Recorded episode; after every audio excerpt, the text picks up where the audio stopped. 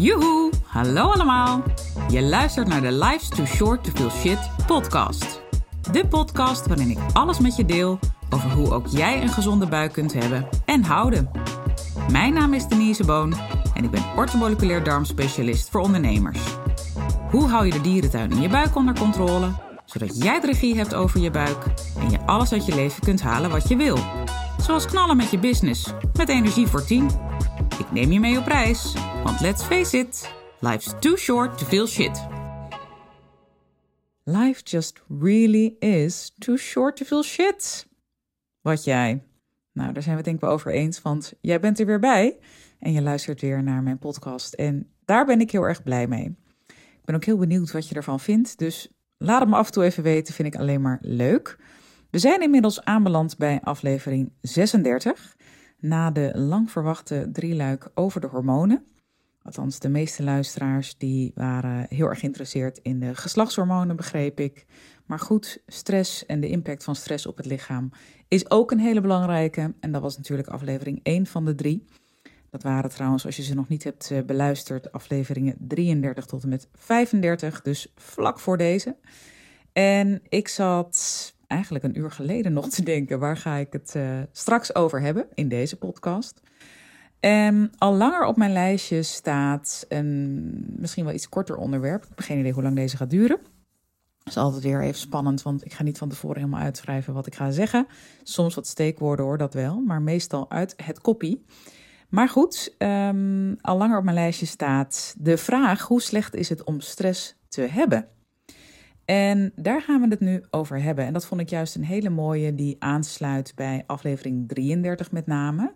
Maar eigenlijk ook 34 en 35.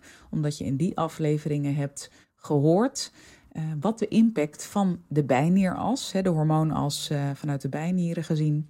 Uh, dus echt ook onder andere de aanmaak van cortisol op de rest van het lichaam. En dan met name natuurlijk over de, op de andere hormonen en de hormoonassen. Dus de schildklier en de geslachtshormoonas maar eigenlijk ook op je hele lijf. Hè. Je immuniteit met name, wisselwerking met je spijsverteringsstelsel, waar je darmen natuurlijk een heel belangrijk onderdeel van uitmaken. En maar liefst 70% van je immuniteit komt vanuit je darmen. Dus ik kan het niet vaak genoeg zeggen. misschien denk je, ja, niet, dat weet ik nou wel. Je zegt het zo vaak, maar kracht van herhaling. Ik blijf bepaalde dingen gewoon herhalen. Um, want heel vaak zijn er ook dingen die we wel horen, maar dat we er niet goed naar luisteren. En ja, soms heb je het gewoon echt wel vaker nodig. Wil het echt binnenkomen. Dus dat is de reden dat ik hem uh, blijf herhalen.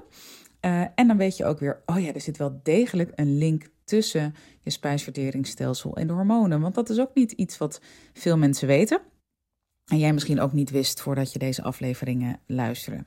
Uh, nogmaals, heb je ze niet beluisterd, afleveringen 34 tot en met 35, dan ga je helemaal een deep dive maken in de hormonen. Nu gaan we het hebben over hoe slecht het is om stress te hebben. En daar heb ik weer een paar dingen uit, uh, in uitgelicht voor mezelf, die ik met jou wil delen daarin.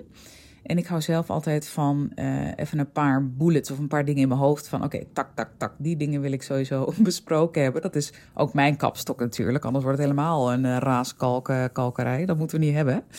En um, misschien ga je het een beetje gek vinden, maar ik ga eigenlijk ook heel veel dingen laten zien die heel positief zijn aan stress. Juist ook omdat stress, eigenlijk cortisol wordt er vaak benoemd, uh, uh, bedoeld, ook adrenaline overigens, maar meestal bedoelen we met z'n allen cortisol, staat toch wel in een heel negatief daglicht en dat vind ik niet terecht. Um, laat ik maar gewoon meteen beginnen. Die bedenk ik me trouwens nu uh, erbij. Die heb ik ook eerder al gedeeld. Maar cortisol is onder andere de reden dat je wakker wordt even de eerste haktak die ik met je wil delen. Dus ochtends is je cortisol op zijn hoogst, s'avonds op zijn laagst. Althans, dat moet het zijn in een gezond lichaam. En uh, er vindt overdag een kruising plaats uh, met melatonine, het slaaphormoon. Dus het is echt letterlijk, zeg maar, je kan zo van die assen voor je zien. De ene begint uh, hoog, hè, dat is dan cortisol, en gaat weer naar beneden. En aan de andere kant van het spectrum begin je uh, laag, en dat is melatonine, en ga je omhoog. En midden in de dag vindt er dan een kruising plaats tussen de twee. Um, dus cortisol is onder andere de reden dat je wakker wordt. Nou, heel veel mensen hebben een uh, of lopen tegen een bijnieruitputting aan. Dat betekent dat al langere tijd cortisol heel hoog is. Ehm, en dan heb je andere uitdagingen. En bij die mensen zijn de cortisolwaarden vaak juist heel laag. Ook ochtends vroeg, als ze wakker worden, zijn ze veel lager dan ze zouden moeten zijn. Ehm, bij deze mensen is trouwens ook wel het bioritme zo ontregeld dat zij vaak rond vijf uur al wakker zijn en niet meer in slaap kunnen komen. Dus als je dat herkent, dat is echt een eerste uh, mogelijk symptoom of signaal eigenlijk van je lichaam wat aangeeft: joehoe, something's going wrong. En dat komt vanuit je bijnieren. Dus dat je toch, ook al denk je misschien, ik ben hartstikke stressbestendig, mij maak je de pis niet lauw, je lijf kan daar anders over denken. Nou, zo zijn er veel meer symptomen waar je dat aan kan zien. Hè? Onder andere een korter lontje, überhaupt slecht slapen, um, koffieinfuus. Nou ja, ik zal ze niet allemaal opnoemen, maar daar staat internet ook vol mee. Maar goed, cortisol is dus onder andere de reden dat je wakker wordt. Dus het is eigenlijk onze, onze wekker, zo kun je het zien. Uh, vind ik zeker iets positiefs. Daarnaast, um, als je lichaam stresshormonen aanmaakt, dat begint met adrenaline, dan maakt je lichaam ook direct dopamine aan, de neurotransmitter dopamine. En dopamine staat onder andere voor geluk. Het is echt een gelukstofje. Uh, kan ook je moed heel erg beïnvloeden. In dit geval dus ten gunste. Um, dus adrenaline en dopamine gaan hand in hand met elkaar. Dat maakt onder andere dat als je bijvoorbeeld een kopje koffie drinkt, mocht je net als ik dol zijn op koffie, um, dan raak, maak je lichaam ook adrenaline aan door de koffie. Daarna trouwens cortisol, hè, dat, dat, is het volgende hormoon wat wordt aangemaakt. Niet helemaal, er zit er nog één tussen, maar even op hoofdlijnen. En um, tegelijkertijd met die adrenaline wordt dus ook hè, door jouw kopje koffie die dopamine aangemaakt. Dat maakt ook dat je dus letterlijk je veel gelukkiger kunt voelen als je koffie drinkt. Op het moment dat je koffie drinkt, bedoel ik dan. Uh, dus eigenlijk kun je ook um, in ieder geval een van de stresshormonen zien als een gelukshormoon. Het is wel van korte duur, dat zeg ik er ook bij. Want adrenaline piekt heel snel en ook heel hoog, maar daalt ook heel snel daarna naar nou ja, heel laag, zeg maar. Onder het nulpunt kun je het uh, voor je zien als je in grafieken even denkt en visueel bent ingesteld, net als ik. Um, en daarna neemt cortisol het over. En cortisol is veel lastiger af te breken door het lichaam. Komt onder andere mijn lievelingsorgaan, de lever, weer om de hoek, bij om de hoek kijken. Um, maar goed, ook weer even in het kader van uh, hoe slecht is het om stress te hebben. Echt niet altijd, want adrenaline kan je dus ook echt eventjes heel erg gelukkig maken. Los van het feit dat adrenaline je op dat moment echt een enorme energieboost geeft. Je lichaam maakt dat aan om goede focus te hebben op dat moment, zodat je kunt wegrennen of um, uh, kunt uh, bevriezen hè, voor de sabeltandtijger. Dat denkt je lichaam dan dat hij achter je staat. Uh, maar dat is de reden dat je dus op dat moment even een intense energieboost krijgt. Um, en een goede focus, heel scherp ben je ook op dat moment. Hè? Nou, dat heb je ook als je koffie drinkt. Dat is natuurlijk ook een van de redenen dat heel veel mensen zo dol zijn op koffie. En als je daarin doorslaat hè, en het echt nodig hebt om de dag door te hebben, ja, dan raad ik je aan, ga je bij jezelf te raden. Uh, dat is een duidelijk signaal dat er behoorlijke disbalans gaande is. Maar doe je het, hè, één, twee kopjes, um, liefst uh, gedurende de ochtend, niet meer in de middag, omdat je het lekker vindt, omdat je ervan geniet. Uh, dan is het een ander iets. Hè? Dan is het juist heel erg gunstig en kan het ook heel veel gezondheidsvoordelen hebben. Koffie zitten voor- en nadelen aan, maar daar gaan we het nu niet over hebben. Maar er zitten zeker ook voordelen aan. Dus dat is een andere manier van hoe jij geniet van je koffie. Dat zal je begrijpen. Um, dus hè, stukje geluk en vanuit de adrenaline is ook iets wat je vanuit een stressprikkel krijgt. Een derde ding wat ik met je wil delen is dat een beetje stress je lichaam en met name ook je immuunsysteem sterker maakt. Misschien denk je nu, huh, maar dat is toch helemaal niet goed voor je stress. Uh, ook voor je darmbacteriën, want daar hebben we het ook nog over gehad in een van de vorige afleveringen. Zeker als je een behoorlijke stressboost krijgt. Um, ja, er gebeurt van alles in het lijf. Hè? Ook de histaminemotor gaat aan. Maar ook je goede darmbacteriën uh, leggen het loodje, in ieder geval voor een deel, door die stress. Dus er zitten zeker negatieve kanten uh, aan. Maar als het kortstondig is, dan uh, je kan het eigenlijk vergelijken met zo'n hartfilmpje of een hartmonitor in het ziekenhuis. Als je een heartbeat ziet, dus echt een spike omhoog, maar ook omlaag ja, dan heb je een goed ritme, een goede cadans te pakken. Um, dat is altijd goed. Heb je een flat line, dat is niet zo goed. Dan is het einde oefening en um, ja, einde verhaal. Dus juist die afwisseling, hè, die, die spikes omhoog en naar beneden, die fluctuaties, die zijn heel erg goed. En zo kun je ook, ook hierbij weer hè, voor de visueel ingestelden onder ons uh, het voor je zien dat als je zo'n stressprikkel krijgt, dus even zo'n piek omhoog, ja, hij dipt ook weer, maar hij gaat ook weer omhoog. En het hangt natuurlijk vanaf hoe groot die spikes en uh, die dips zijn. Um, en of daar een um, evenredige nou ja, um, tijd tussen zit, om maar even zo te zeggen. In hoeverre dat schadelijk of juist goed is en hoe lang het ook duurt. Kijk, is het een kortstondige stressprikkel, dan kan het dus echt de boel even boosten en sterker maken. Is het langdurig, dan put het je lichaam uit. En daar zit dus echt het verschil tussen.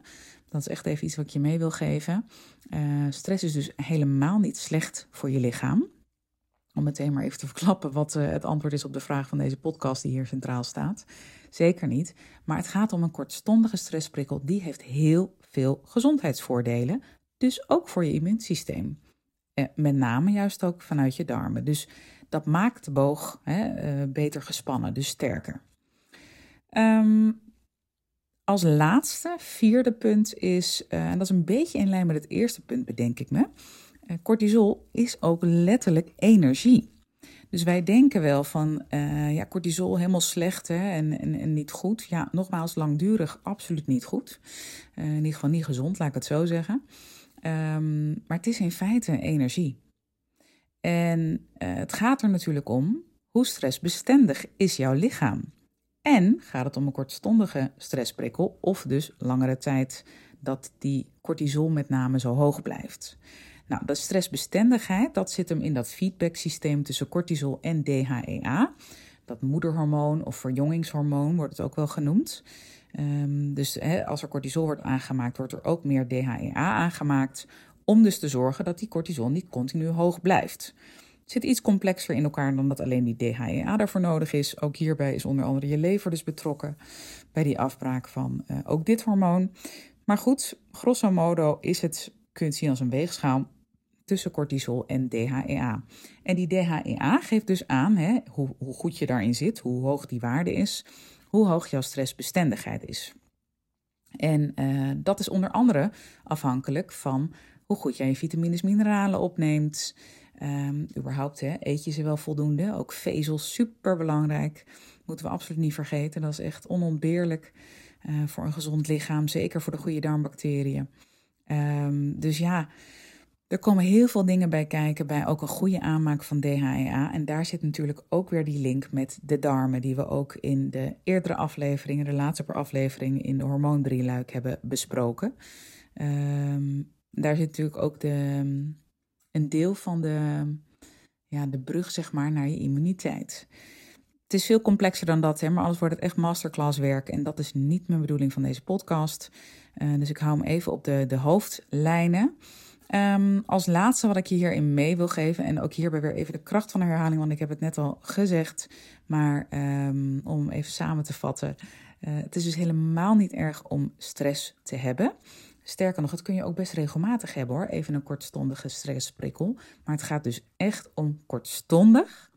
En dat je lichaam er goed mee kan omgaan. En dat goed weer kan afbreken. En dat het lichaam daarna weer tot rust komt.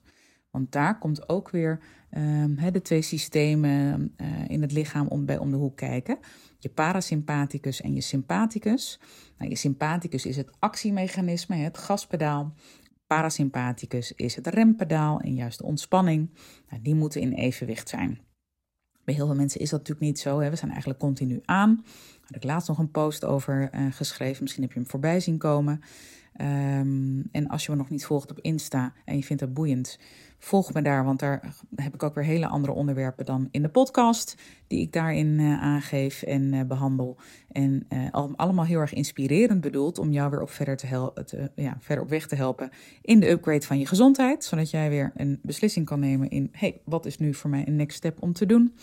En dat kan ook zijn uh, dat je zelf dingen thuis gaat proberen hè, aan de hand van wat je, wat je hoort.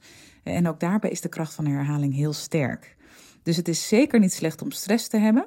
Uh, wel kortstondig, dus die stressprikkel. Anders kan het zijn dat je richting bijneeruitputting gaat. En dat legt eigenlijk je hele systeem je hele lijf lam. En daar kun je heel lang in blijven hangen. Uh, ook lang kan het duren voordat je daar weer uitkomt. Niet om je bang te maken, maar dat is gewoon wat het is. Daar heb ik ook ervaring mee. Ik heb een burn-out gehad in. Wanneer was dat? 2009 was dat, ja, 2009. Uh, ben ik een half jaar zoet mee geweest. En ik dacht, oh, nou, één, twee maanden ben ik er wel weer. Nou nee, dat duurde dus een half jaar. Vond ik onwijs lastig. Ik ben mezelf enorm tegengekomen.